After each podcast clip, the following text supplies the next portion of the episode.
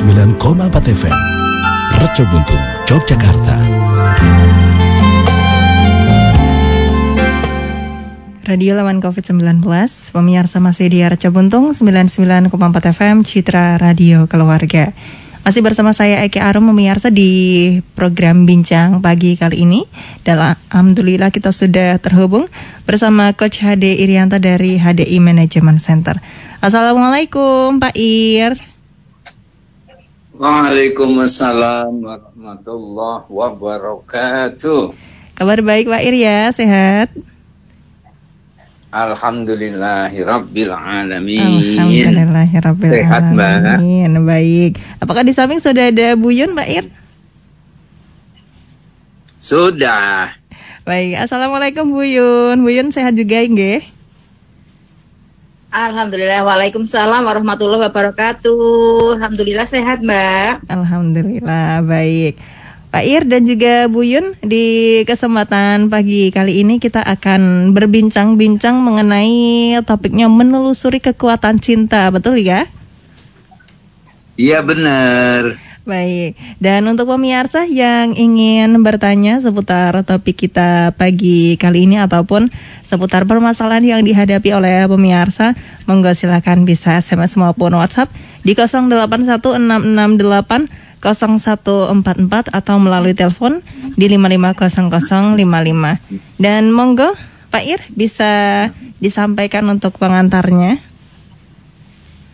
Baik, terima kasih Mbak Eki. Uh, pemirsa Radio Reco Buntung di mana pun pagi ini sedang beraktivitas, mudah-mudahan uh, uh, aktivitas Anda semua mendatangkan kebahagiaan, ya, mendatangkan manfaat, mendatangkan kebaikan, ya, bukan hanya untuk diri sendiri, tapi juga untuk orang banyak. Mudah-mudahan seperti itu, ya. Oke, nah uh, alhamdulillah ini Mbak Eki perlu perlu tahu ya bahwa uh, kali ini uh, siaran itu saya sama Bu Yun itu sedang berada di Bekasi. Oh, masya Allah, baik. Sedang berada di Sedang Bekasi. Di rumah, Mhm. ya sedang di rumah anak sulung saya Mhm. yang eh, tanggal 1 Oktober yang lalu Mhm. eh, melahirkan anak yang pertama. Alhamdulillah, ya Rabbil alamin. itu dan itu menjadi cucu yang pertama Oh, buat baik. kami berdua gitu ya. Alhamdulillah, Pak Ir. Ikut senang, Pak Ir. Makanya kami gimana? Ikut senang. Alhamdulillah ya mudah-mudahan eh, apa eh, membawa kebaikan ya untuk semuanya ya. Amin. amin. Jadi terkait dengan topiknya, terkait dengan topik kita kali ini menelusuri eh, kekuatan cinta gitu ya. Mhm. Em, ada sebuah riset nih Mbak, ada sebuah penelitian ya yang Mhm. eh, pernah dilakukan oleh seorang ahli genetika. Mhm. Beliau adalah keturunan Jepang ya namanya aja Profesor Dr. Kazuo Murakami.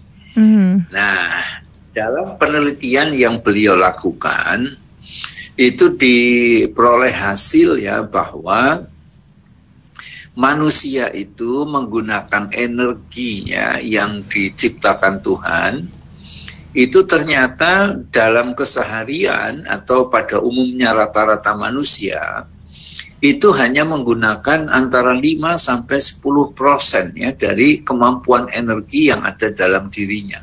Mhm.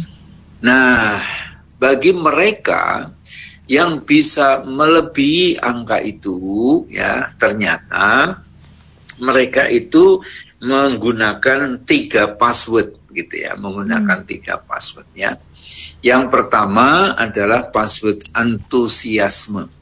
Mhm. Jadi kalau ada orang melakukan aktivitas apa pun, ya, tapi dengan penuh semangat, ya, dengan antusiasme yang tinggi, maka energinya itu bisa apa? Bisa dimunculkan ya lebih banyak daripada orang yang melakukan sesuatu dengan malas-malasan, Mhm. ogah-ogahan gitu ya, atau biasa-biasa saja ya tidak ada semangat, tidak ada antusiasme itu ternyata sangat berbeda. Ya. Kemudian password yang kedua adalah husnudon. Mhm. Halo. Iya Pak Ir, Halo. Bisa kedengaran ya? masih masih Alhamdulillah. Masih, masih. Ya, oke baik ya. Nah, password yang kedua adalah husnudon ya. Kalau menurut menurut bahasanya eh, Profesor Kazuo Murakami adalah positive thinking dan positive feeling. Nah, gitu ya. Jadi pikirannya positif, perasaannya positif. Nah, itu dalam bahasa agama dikenal dengan istilah husnudon yang berbaik sangka. Nah, begitu ya. Ternyata orang-orang yang senantiasa berbaik sangka itu energinya juga akan terus ya eh, mengalir gitu ya. Kenapa sih orang yang berbaik sangka adalah orang yang optimis ya kan? Orang yang berbaik sangka adalah orang yang selalu memiliki harapan. Nah, itu. Makanya apa? Energinya mengalir terus gitu ya. Dan yang ketiga, password yang ketiga adalah cinta, gitu ya. Jadi ternyata menurut Profesor Kazuo Murakami, orang yang melakukan aktivitas dalam hidup ini itu ya itu dilambari atau dijiwai dengan cinta, maka energinya juga menjadi luar biasa. Ya, energinya menjadi dahsyat. Ya, bahasa mudahnya adalah eh, apa nggak mudah capek gitu loh ya. Atau ada lagi yang mengatakan ya ora hidup kesel kira-kira gitu ya. Jadi nggak apa nggak mengenal lelah nggak mengenal capek itu kalau apa kalau semuanya dilakukan dengan cinta. Satu contoh misalnya ya ada seorang ibu gitu ya itu harus eh, melek tiga hari tiga malam misalnya gitu ya. Tidak tidur itu ya kalaupun tidur eh, cuman apa tidur kayak tidur ayam itulah ya eh, merem-merem sebentar tapi terus melek lagi ya. Itu kuat ya. Kenapa? Karena cintanya kepada buah hati cintanya kepada anak ya yang kala itu sedang eh, apa sakit ya sehingga rewel gitu tidak bisa apa tidak bisa eh, ditinggal untuk apa istirahat eh, sebentar saja. Kenapa? Karena rewel terus ya. Maklum ya anaknya masih bayi misalnya begitu umurnya belum nyampe satu tahun kemudian eh, dia sakit harus dirawat di rumah sakit. Nah ibu yang menunggu itu itu kuat loh itu. Sanggup untuk tidak tidur tiga hari tiga malam. Padahal lumrahnya manusia ya lumrahnya manusia. Kalau semalam saja tidak tidur itu kan ya badannya lemes ya kan greges-greges dan seterusnya ya. Tapi karena cintanya seorang ibu kepada anak yang sedang sakit maka Allah memberikan kekuatan yang luar biasa. Nah maka berangkat dari eh, apa ya hasil riset eh, Profesor Kazuo Murakami dan juga dari banyak contoh yang bisa kita saksikan dalam kehidupan sehari-hari maka alangkah hebatnya gitu ya. Kalau kita melakukan aktivitas itu ya dilandasi dengan cinta gitu ya. Mbak Eki eh, apa eh, menjadi penyiar di Reco Buntung ya dengan cinta ya. Pak Ir Bu Ir mengisi acara ini dengan cinta ya misalnya ya. Kemudian yang jadi pengusaha menjalankan usahanya juga dengan cinta yang jadi guru mendidik eh, murid-muridnya juga dengan cinta. Kemudian sang muridnya mempelajari ilmu pengetahuan juga dengan cinta. Wah itu luar biasa itu ya. Bakal apa? Bakal eh, diperoleh hasil yang dahsyat. Kira-kira begitu Mbak Eki pengantar dari saya. Baik, terima kasih Pak Ir yang sudah luar biasa sekali menyampaikan tentang kekuatan cinta begitu ya pemirsa. Ini saya jadi teringat uh, topik beberapa waktu lalu Pak Ir juga sempat uh, menyampaikan tentang menghadirkan cinta di segala suasana. Nah, ini juga ada kaitannya pemirsa ya.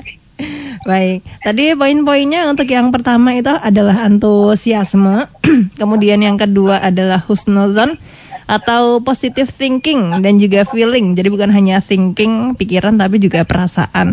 Dan yang ketiga cinta itu tadi yang sudah disampaikan oleh Pak Ir. Baik, ini ada yang bertanya Pak Ir dan untuk pemirsa yang ingin bertanya juga dipersilakan SMS maupun WhatsApp-nya Reca Buntung di 0816680144. Ini ada dari uh, tidak disebutkan namanya tapi uh, mengatakan selamat atas kelahiran cucu pertamanya Pak Ir dan juga Bu Yun. Alhamdulillah. Terima kasih.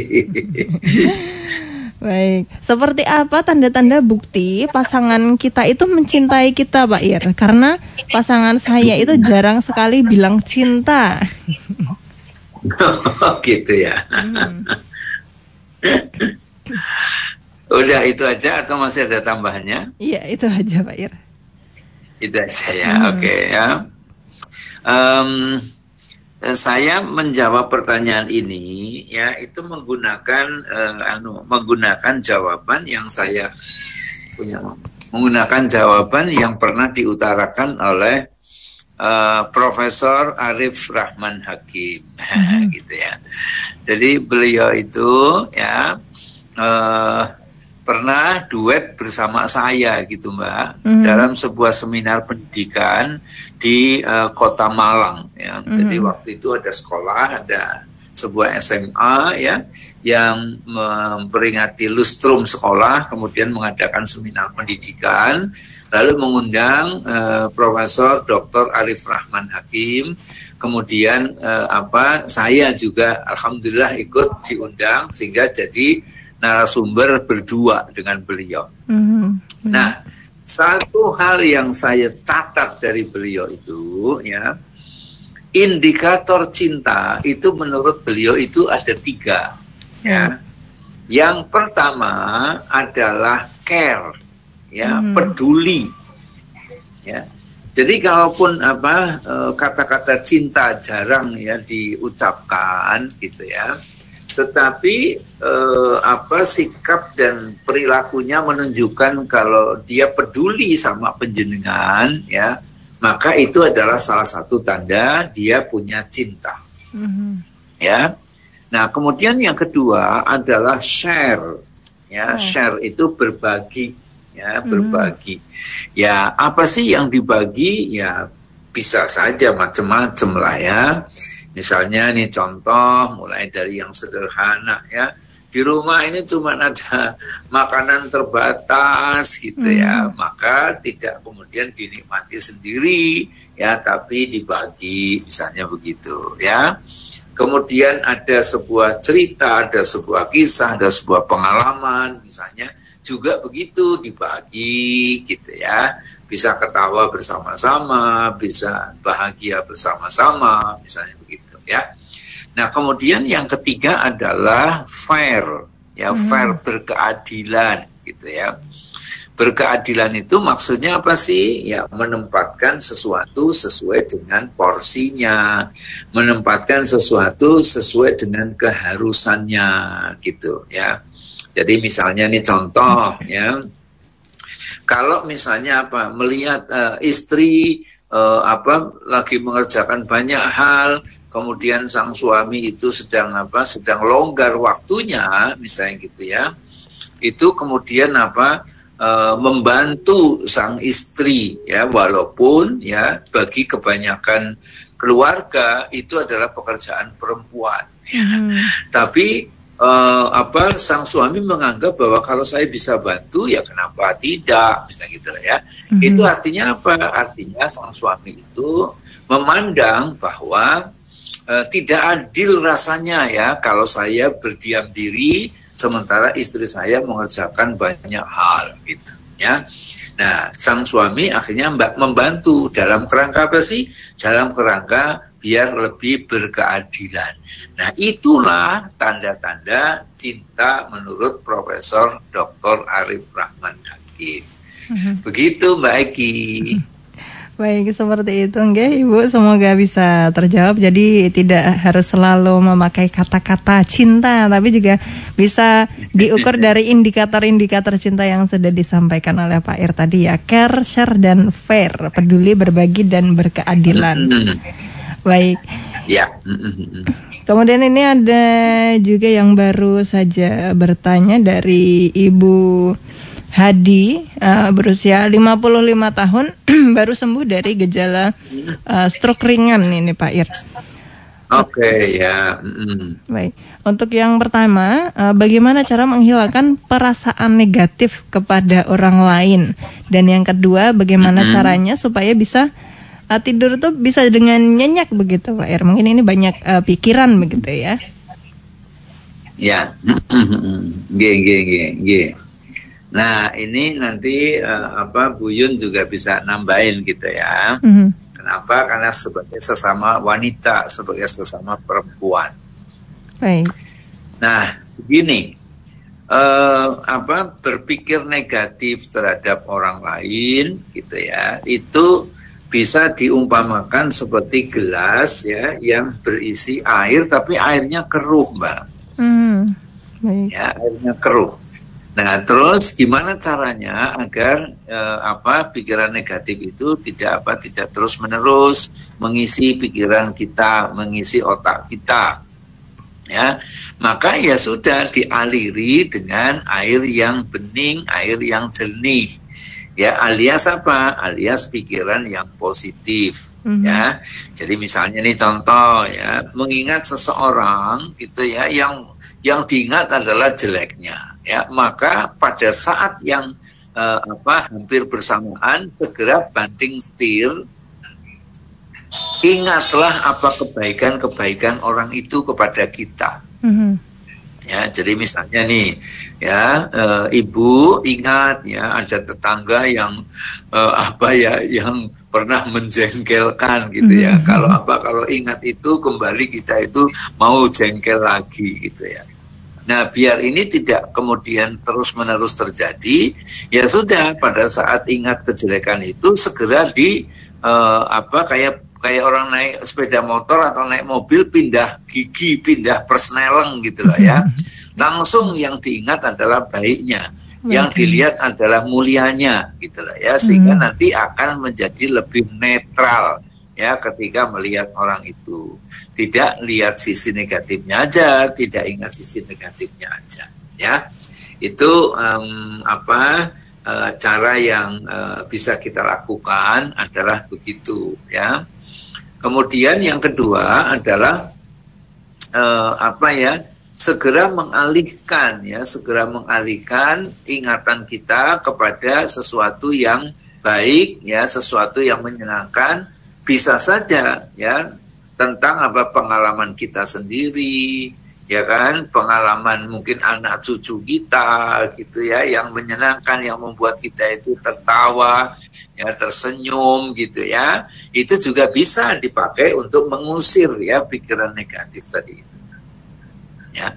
Nah kemudian eh, untuk bisa tidur nyenyak nah ini saya punya punya banyak pengalaman ini ya sejak masih anak-anak itu Hmm. orang jalan saja sambil tidur mbak Eki Baik, jalan sambil tidur luar Ya, biasa ini, sekali. benar ya. Saya tidak tidak mengada-ada. Hmm. Saya waktu masih anak-anak itu adalah penggemar wayang kulit, Mbak. Oh, baik. Jadi kalau saya nonton nonton apa pertunjukan wayang kulit itu kan semalam suntuk, Mbak itu, Mbak. Iya, betul. Ya. Ya, sering kali saya nonton di eh, desa tetangga yang Hmm. jauhnya bisa sampai 3 kilo gitu Hmm. ya. Jalan kaki, Mbak, dengan apa dengan teman-teman itu. Ya. sekali, Pak Ir. Nah, ketika pulang, ketika Mhm. pulang itu ya kan udah ngantuk banget tuh Mbak itu, Mhm. ya ngantuk banget. Meskipun meskipun bercanda dengan teman-teman, tapi ngantuknya itu tidak ketulungan itu ya. Iya. Sehingga jalan kaki itu itu sambil, Sambil tidur. Baik. Iya, Coba. Saking Tapi ngantuknya hebatnya eh, pertolongan Allah itu, ya. Mhm. itu ya tetap nyampe rumah itu nggak kesasar gitu. Alhamdulillah ya, Pak ya. Nah, begitu sudah tumbuh dewasa, terus Hmm. sekarang jadi orang tua, alhamdulillah ya. Saya diberi karunia oleh Allah itu gampang sekali tidur. Baik. Iya, jadi kan kalau ada orang pakai obat tidur dan Hmm. sebagainya, saya itu obatnya obat melek, Mbak. Oh, iya. karena karena saking gampangnya tidur gitu ya. Iya. Nah, salah satu yang apa? Salah satu yang saya coba lakukan itu, itu ya saya berdoa kepada Allah ya bahwa eh, berdoanya itu dengan apa? Dengan berserah diri. Ya, Mhm. jadi misalnya begini contohnya ya, ya Allah, hari ini aku sudah melakukan sesuatu yang Engkau perintahkan sesuai dengan kemampuanku. Mhm. Ya, hasilnya mau seperti apa, aku serahkan sepenuhnya kepadamu ya Allah. Aku hanya minta mudah-mudahan yang aku lakukan hari ini engkau catat sebagai ibadah. Mhm. Apa ibadahku kepadamu. Hasilnya mau seperti apa, aku ridho ya Allah, aku rela ya Allah untuk menerimanya dengan gembira, dengan senang hati. Mhm. Izinkanlah ya Allah hari ini atau malam ini saya istirahat, saya tidur untuk memenuhi hak tubuhku. Mhm. Udah, kemudian apa? eh, ya membaca apalah yang bisa kita baca. Ya, misalnya membaca sholawat Nabi ya boleh. Ya men- me- membaca eh, apa kalimat-kalimat thayyibah juga boleh. Ya beristighfar juga boleh. Nanti tidak lama setelah itu maklum gitu sudah mbak. Tahu-tahu eh, apa? alarm bunyi ya jam 3 atau jam setengah 4 misalnya masih sempat eh, apa sholat tahajud ya walaupun beberapa rokaat saja. Mhm. Nah begitu jadi eh, apa memang kita harus menyerahkan sepenuhnya kepada Tuhan kepada Allah ya. Mhm. Gak usah terlalu banyak dipikirin lagi apa yang sudah kita kerjakan Baik. ya yang sering menghambat itu kan eh, kekhawatiran ya Betul. kalau misalnya pikiran kita masih mengatakan gek-gek ojo-ojo gitu ya nah itulah yang mengganggu sesungguhnya Iya. ya tapi kalau kita sudah menyerahkan sepenuhnya bahkan jiwa raga kita kita serahkan sepenuhnya kepada Allah karena kita tidak punya apa-apa Mhm. semuanya miliknya Allah ya kita kembalikan Baik. Ya, itu kurang lebih eh, apa yang yang saya lakukan selama ini kayak gitu ya. Hmm. Apakah itu nanti juga eh, cocok ya untuk orang lain ya monggo dicoba. gitu. Baik. Jadi benar-benar pasrah bi- agar bisa tenang gitu ya Pak Ir ya. Iya begitu. Kalau kita masih apa masih mikirin mikirin apalagi mikirnya sambil khawatir Mhm. sambil apa ya eh, cemas, waduh itu mengganggu sekali. Mhm. Ya. Nah ini apa Buyun sambil gendong cucu mau nambahin. Baik, monggo silakan Bu Yun. Ya, eh, sebenarnya rasa apa ya? Rasa rendah diri, kadang-kadang juga rasa apa namanya tidak percaya diri. Ini kadang-kadang juga membuat eh, seseorang itu eh, bisa memang berpikir negatif. Kemudian eh, yang kedua adalah eh, ketika ketika eh, apa namanya kita kalau saya sih saya sering juga ya mengalami eh, susah sekali tidur. Mhm. Nah, maka saya mencari kegiatan apa sih? Karena satu orang dengan orang lain kan nggak sama ya. Betul. Eh, apa namanya eh, kebiasaan ya kebiasaan itu kan nggak sama. Ada yang eh, dengan istilahnya ada orang borok gitu ya, tipe ngorok gitu ya, begitu blek langsung tidur gitu juga ada.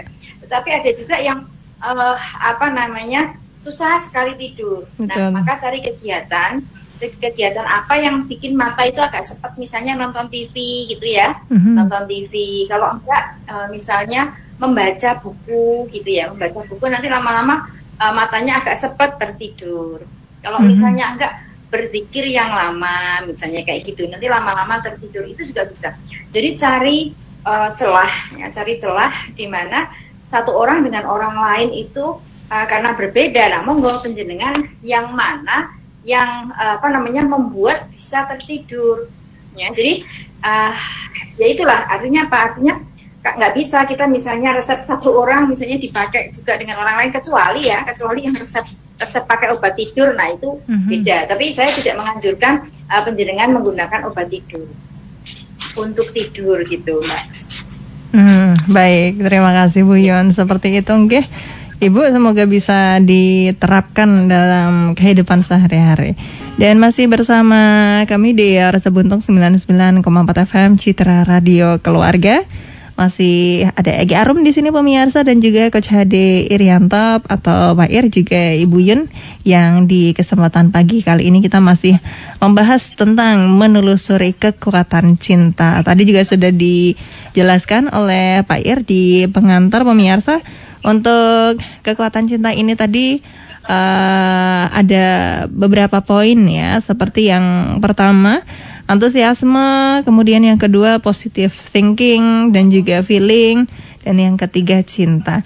Nah ini saya yang mau bertanya pada Pak Ir dan juga Bu Yun. Ini uh, poin pertama itu tadi kan antusiasme ya Pak Ir ya. Nah uh, mungkin, betul, betul. baik, mungkin ketika seseorang itu menjalani uh, aktivitasnya, kegiatannya ataupun pekerjaannya itu sesuai dengan passion, sesuai dengan minat itu antusiasmenya pasti akan tinggi begitu daripada yang uh, tidak bekerja tapi tidak sesuai minat atau tidak sesuai passion. Nah, bagaimana cara mengatasi uh, pekerjaan, aktivitas ataupun kegiatan yang sebenarnya ini tidak sesuai dengan passion dia dan bagaimana agar antusiasnya itu tetap bisa setinggi dengan mereka yang uh, menjalankan sesuai passion, Pak Ir? Ya. Ada sebuah ungkapan yang menarik Mbak Eki ya. Mm -hmm berbahagialah bila Anda bekerja sesuai dengan passion Anda. ya, sesuai dengan apa yang Anda sukai, ya, itu ya. Namun bila Anda belum ketemu dengan apa yang Anda sukai, hmm. maka berusahalah untuk menyukai apa yang Anda lakukan. gitu hmm, ya. Baik. ini ungkapan ini sepertinya cuma membolak-balikan kata-kata ya, tetapi maknanya luar biasa menurut apa? Menurut saya. Nah itu kalau apa? Kalau di dalam istilah bahasa Jawa itu ada ungkapan tresno mergo kulino, mm -hmm. ya kan mbak? Yeah. Jadi awalnya, awalnya orang melakukan pekerjaan itu mungkin merasa terpaksa, ya. Mm-hmm. Tapi setelah dijalani, kemudian dia uh, melihatnya dari sisi-sisi yang apa yang baik, melihatnya dari sisi-sisi yang memberikan manfaat, ya, memberikan kebaikan, ya akhirnya lama-lama dia menjadi apa? Menjadi menyukai gitu ya. Mm-hmm. nah kalau sudah menjadi menyukai itulah akhirnya passion itu terbentuk ya. Karena apa? Karena faktor pembiasaan. Mm-hmm. ya. Nah kalau sudah begitu ya itu eh, apa? Kan menjadi lebih ternikmati ya. Mm-hmm. ini contoh paling sederhana ya belajar lewat online itu bagi sebagian besar orang itu kan sebetulnya nggak nyaman, Mbak. Betul. kan? Iya. Betul kan? Betul. Iya, nggak nyaman tuh, ya nggak nyaman. Tetapi karena apa? Karena dilakoni setiap hari, Mbak. Mm-hmm. Apa yang kemudian terjadi sekarang? Komentarnya begini, kayaknya malah enak gini ya. Kita di mana saja bisa belajar, coba. Mm-hmm diambil positifnya kalau yang ya Pak ya. kan harus datang ke sekolah betul ya kan mm-hmm. kalau kalau apa kalau seperti dulu kan ya harus datang ke sekolah nah begitu online itu mau di rumah mau dalam perjalanan mau di mana tetap bisa itu mengikuti proses pembelajaran nah itu mm-hmm. artinya apa yang tadinya nggak suka tapi karena dilakoni terus lama-lama jadi suka mm-hmm. maka kemudian tumbuh passion di situ gitu loh ya mm-hmm. nah sehingga jawaban untuk pertanyaan Mbak Eki tadi ada dua ya kan berusaha untuk menyenangi menyukai dan berusaha untuk dibiasakan nah mm-hmm. gitu pak itu itu jawabannya itu Baik, jadi yang pertama adalah berusaha untuk menyukai dan yang kedua harus dibiasakan biar kulino gitu ya Pak, biar kulino kejalaran uh, Tresno soko soko kulino. Baik. Sebenarnya ada hmm. satu hal juga Mbak, kadang-kadang yeah. Iya. uh, dalam satu pekerjaan seseorang hmm. itu uh, apa namanya tidak menyukai, dia hmm. dikasih beban pekerjaan dengan hal, sesuatu hal yang uh, sama sekali uh, berbeda sekali dengan disiplin ilmu dia. Baik. Ya. Mm-hmm. Misalnya nih, misalnya nih orang uh, orang yang uh, dari pertanian misalnya disiplin ilmunya, kemudian eh tahu-tahu dia disuruh ke bagian apa namanya ke bagian accounting Mhm, misalnya gitu. baik. Nah ini kan juga mungkin di awal-awal juga lumayan judek gitu ya, Mhm, Kayak bingung, ya kan? Nah tapi eh, kalau kita mau belajar, jadi artinya apa? Membuka diri. Jadi artinya eh, seperti halnya orang eh, apa namanya ya, pat- sudah patah hati kemudian mau jatuh cinta lagi itu kan Mhm. susah kadang-kadang. Nah maka berusaha untuk membuka hati, membuka diri, peluang baru bahwa saya mau belajar dengan eh, apa namanya dengan ilmu baru ini. Nah, gitu. mhm, Jadi artinya apa? Kita membu- eh, meng- menzerokan, mengenolkan, Mhm. mengenolkan apa namanya eh, pikiran kita bahwa aku mau menerima ilmu baru ini yang sama sekali belum pernah aku jalani. Nah, mhm. ketika kita sudah menerima itu, maka terbuka peluang, terbuka peluang kita untuk belajar ilmu yang baru dalam pekerjaan itu.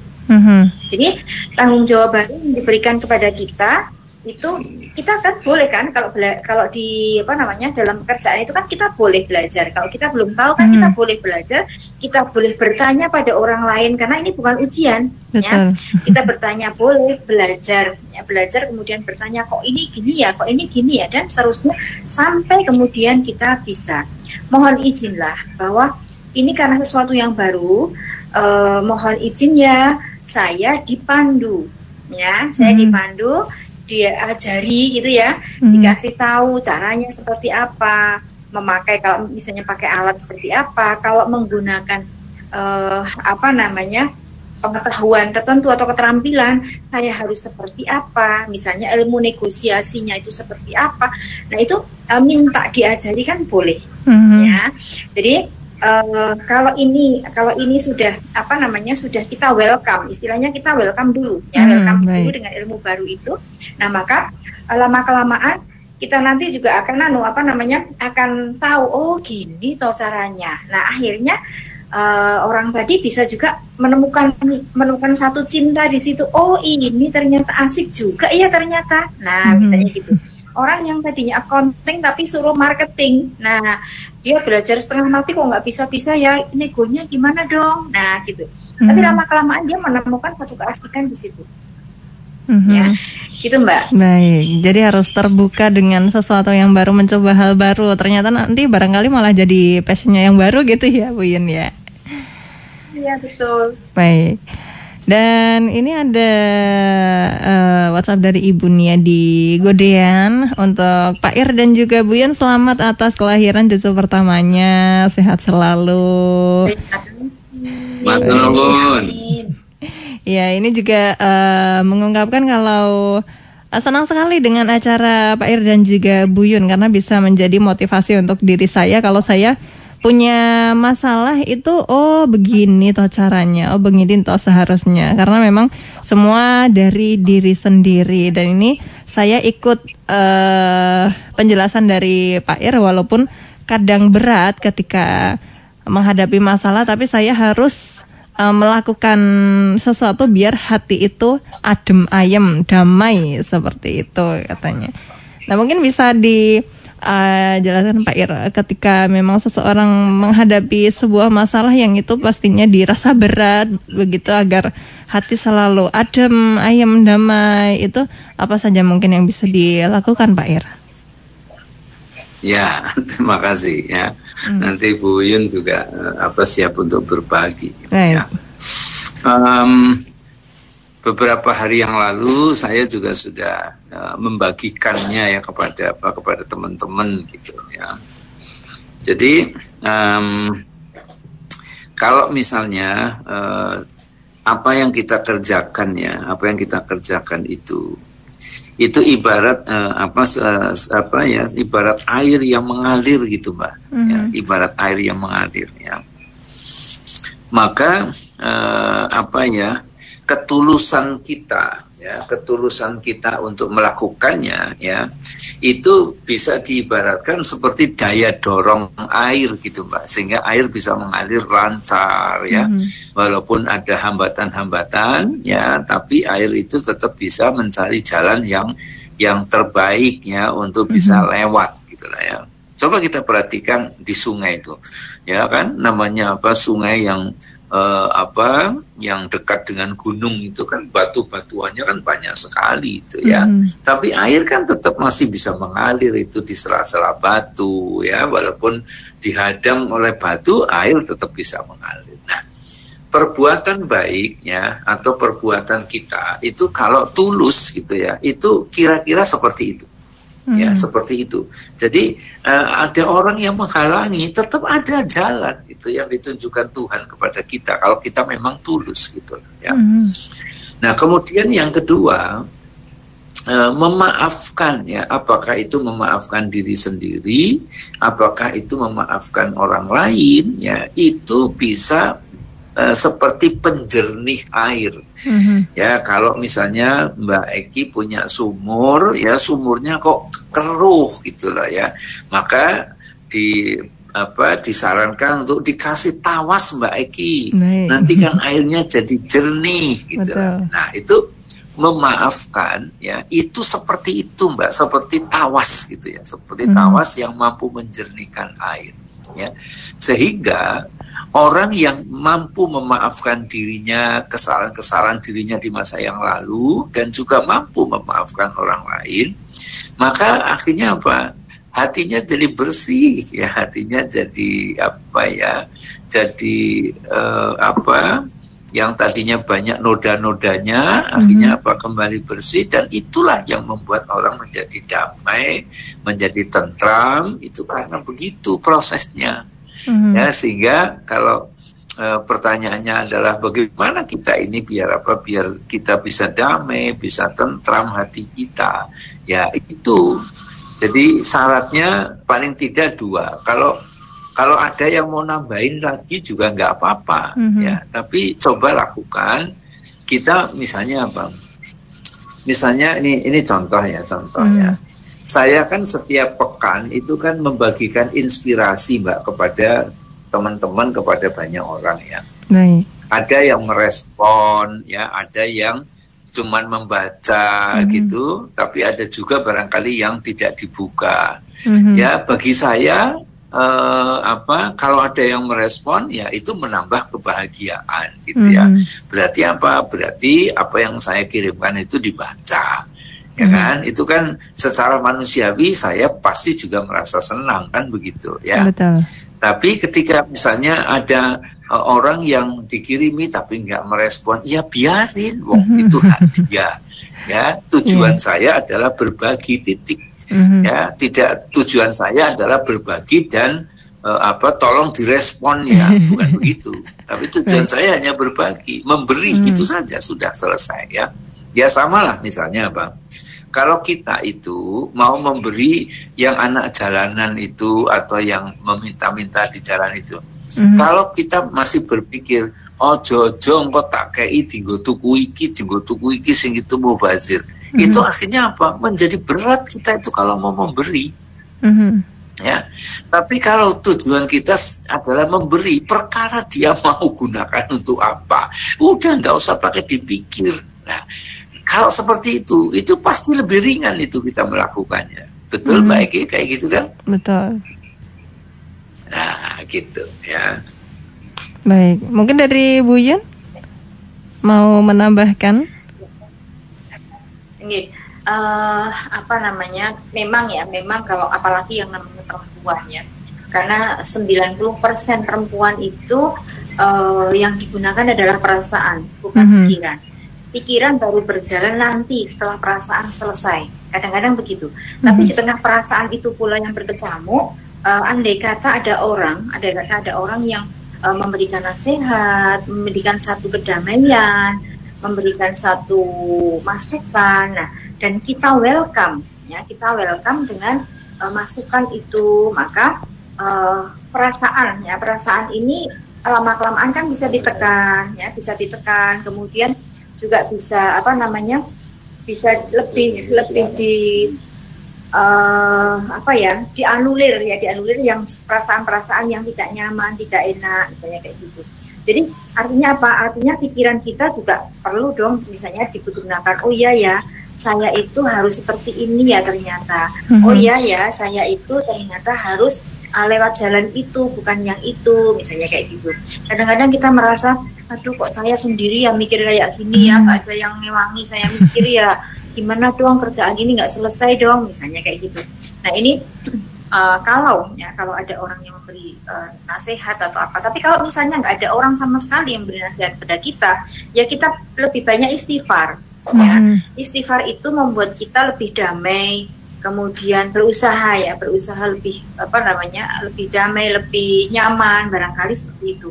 Dan kalau misalnya apa namanya ada masalah yang uh, sungguh sangat berat maka ya uh, apa namanya kita berusaha sih. Pertama memang nggak uh, itu kalau itu perempuan itu perasaan dulu yang muncul tapi uh, di istilahnya kalau orang Jawa itu dinepke ya mm -hmm. dimenepke dulu persoalan itu dimenepke dulu, kemudian setelah itu baru kita uh, berpikir apa sih yang bisa aku lakukan ya dengan mengatasi persoalan ini misalnya gitu. Nah, hal-hal yang seperti ini kenapa? Karena orang-orang hidup itu pasti kan mesti ada masalah nih. Kan nggak bakalan kita itu orang hidup itu nggak ada masalah. Kalau sudah nggak ada masalah ya kayaknya damai-damai saja, tentram saja gitu ya. Seolah-olah hmm. seperti itu. Tapi sesungguhnya uh, ada saja misalnya masalah misalnya contoh lah misalnya aduh saya kok nggak bisa anu ya bersendawa ya ya misalnya gitu kok saya nggak bisa uh, kentut ya katakan misalnya gitu itu sudah masalah ya sudah mm -hmm. masalah nah maka uh, bagaimana kita mencari solusi ya andai kata kita punya masalah kita cari solusinya itu kalau diri sendiri tidak mampu uh, ungkapkan itu pada orang lain Mm-hmm. Nah sehingga apa? Sehingga kedamaian itu kedamaian itu akan uh, datang kepada kita. Oh iya ternyata begini. Nah jadi uh, setiap satu selesai masalah nanti akan muncul lagi. Oh mm-hmm. kalau yang ini begini. Lama kelamaan kita punya keterampilan. Ya, nah mm-hmm. keterampilan itu andai kata satu ketika datang masalah lagi, kita sudah punya keterampilan untuk bisa menyelesaikan masalah berikutnya. Kalau mm-hmm. kita punya pengalaman. Tapi ingat, pengalaman tidak hanya selalu berasal dari diri sendiri, tapi pengalaman orang lain pun juga bisa kita pakai ya untuk belajar ya menyelesaikan masalah. Begitu, mm -hmm. Mbak. Baik, terima kasih untuk Bu Yun penjelasannya luar biasa sekali dan juga Pak Ir. Baik pemirsa tidak terasa sudah hampir jam 10 itu artinya kita harus segera menyelesaikan bincang pagi kali ini. Monggo silakan Pak Ir untuk penutupnya. Baik ya, um, sebagai closing statement uh, dari apa dari saya itu ya uh, cinta itu sebuah anugerah ya sebuah mm-hmm. anugerah yang diberikan oleh uh, apa Allah oleh Tuhan yang Maha Esa untuk kita para manusia gitu ya. Mm-hmm. Nah cinta ini uh, bisa seperti pisau bermata dua pak ya kalau tidak hati-hati gitu ya pisau itu siapa yang uh, memegangnya kan gitu kan ya. Hmm. Kalau yang memegangnya uh, apa ibu-ibu untuk memasak ya tentu saja pisau itu manfaatnya banyak ya. Dan manfaatnya tentu positif ya. Tetapi ketika pisau itu yang memegang adalah uh, apa misalnya perampok gitu ya. Itu uh, ya pasti menjadi menjadi apa menjadi benda yang sangat berbahaya. Nah, cinta itu kalau kita tidak berhati-hati ya, maka ini juga bisa loh me, apa ya, melalaikan manusia. Makanya ada uh, apa cinta yang membuat manusia itu jadi gelap mata gitu ya. Cinta mm -hmm. itu bisa membuat orang menghalalkan segala cara kan gitu kan. Nah, itulah yang disebut dengan cinta tetapi pada konteks yang kurang ya, kurang baik ya tentu saja ya. Maka mari kita senantiasa belajar menggunakan cinta itu pada sesuatu yang positif atau sesuatu yang baiknya. Cintai hmm. diri Anda sebagaimana mestinya, ya kan? Cintai pekerjaan Anda sebagaimana mestinya, kan gitu ya? Hmm. Cintai keluarga Anda sebagaimana mestinya cintai pasangan Anda sebagaimana mestinya. Nah, itulah cinta yang memiliki kekuatan dan memiliki uh, apa ya uh, kemampuan untuk menghasilkan sesuatu yang positif ya. Mm. Itu Mbak closing statement dari saya. Ini dari dari apa? Dari Bu Yun uh, apa nambahin? Monggo silakan Bu Yun. Ya, uh, sedikit Mbak bahwa uh, cinta itu memang sesuatu kekuatan yang luar biasa anugerah dari yang maha kuasa. Dan ini uh, boleh dibilang yang boleh dibilang ini uh, anugerah yang uh, untuk manusia ya untuk manusia.